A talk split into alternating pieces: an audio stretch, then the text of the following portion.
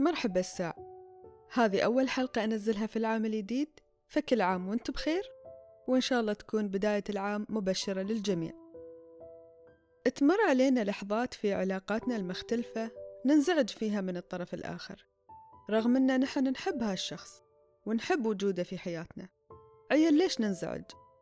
الانزعاج من الأشخاص اللي نحبهم سببه إما القرب الزايد والتواجد المستمر أو الجفا والبعد الطويل.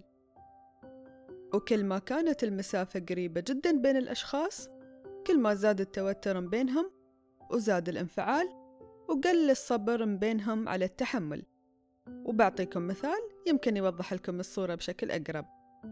مسافة الأمان بين السيارات في الشوارع هي اللي تسمح لنا برؤية أوضح للشارع وبالتالي تحافظ على سلامتنا.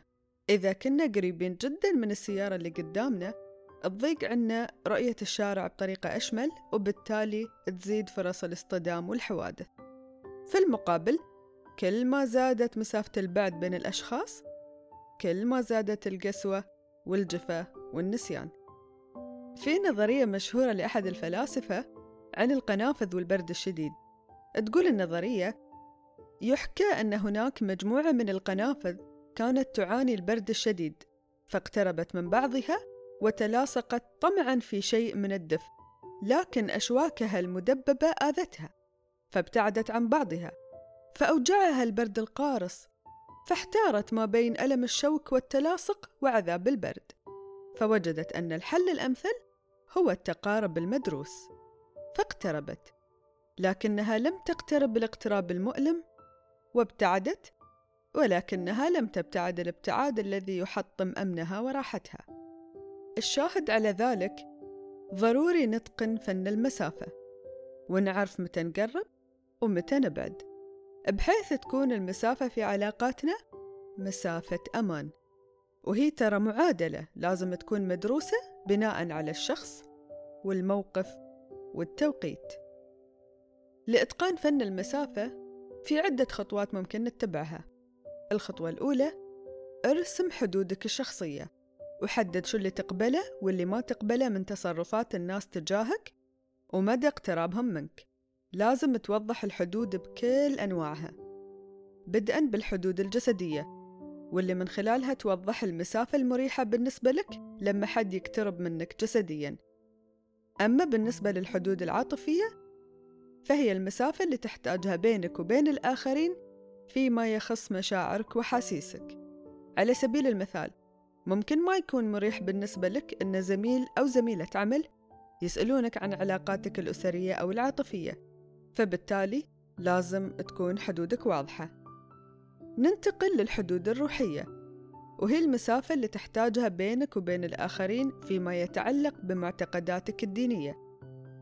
أما بالنسبة لحدودك العقلية فهي المسافة اللي أنت تحتاجها بينك وبين الآخرين فيما يتعلق بأفكارك وآرائك الشخصية. وأخيرا وليس آخرا هي حدودك الاجتماعية. وهي المسافة اللي تحتاجها بينك وبين الغير فيما يخص مشاركتك للأنشطة والمناسبات الاجتماعية. بعد ما رسمت ووضحت حدودك المختلفة انتقل للخطوة الثانية وهي إبلاغ الآخرين بهذه الحدود. لازم الناس اللي في حياتك تعرف حدودها معاك. وشو المريح بالنسبة لك؟ والغير مريح. بالتالي تكون التوقعات واضحة وموحدة بينكم. أما بالنسبة للخطوة الثالثة هي فهم واحترام حدود الغير. مثل ما أنت رسمت حدودك وعندك مساحات محددة وخاصة فيك كذلك الآخرين عندهم الحق في ذلك. بالتالي ضروري نفهم حدودنا مع اللي في حياتنا.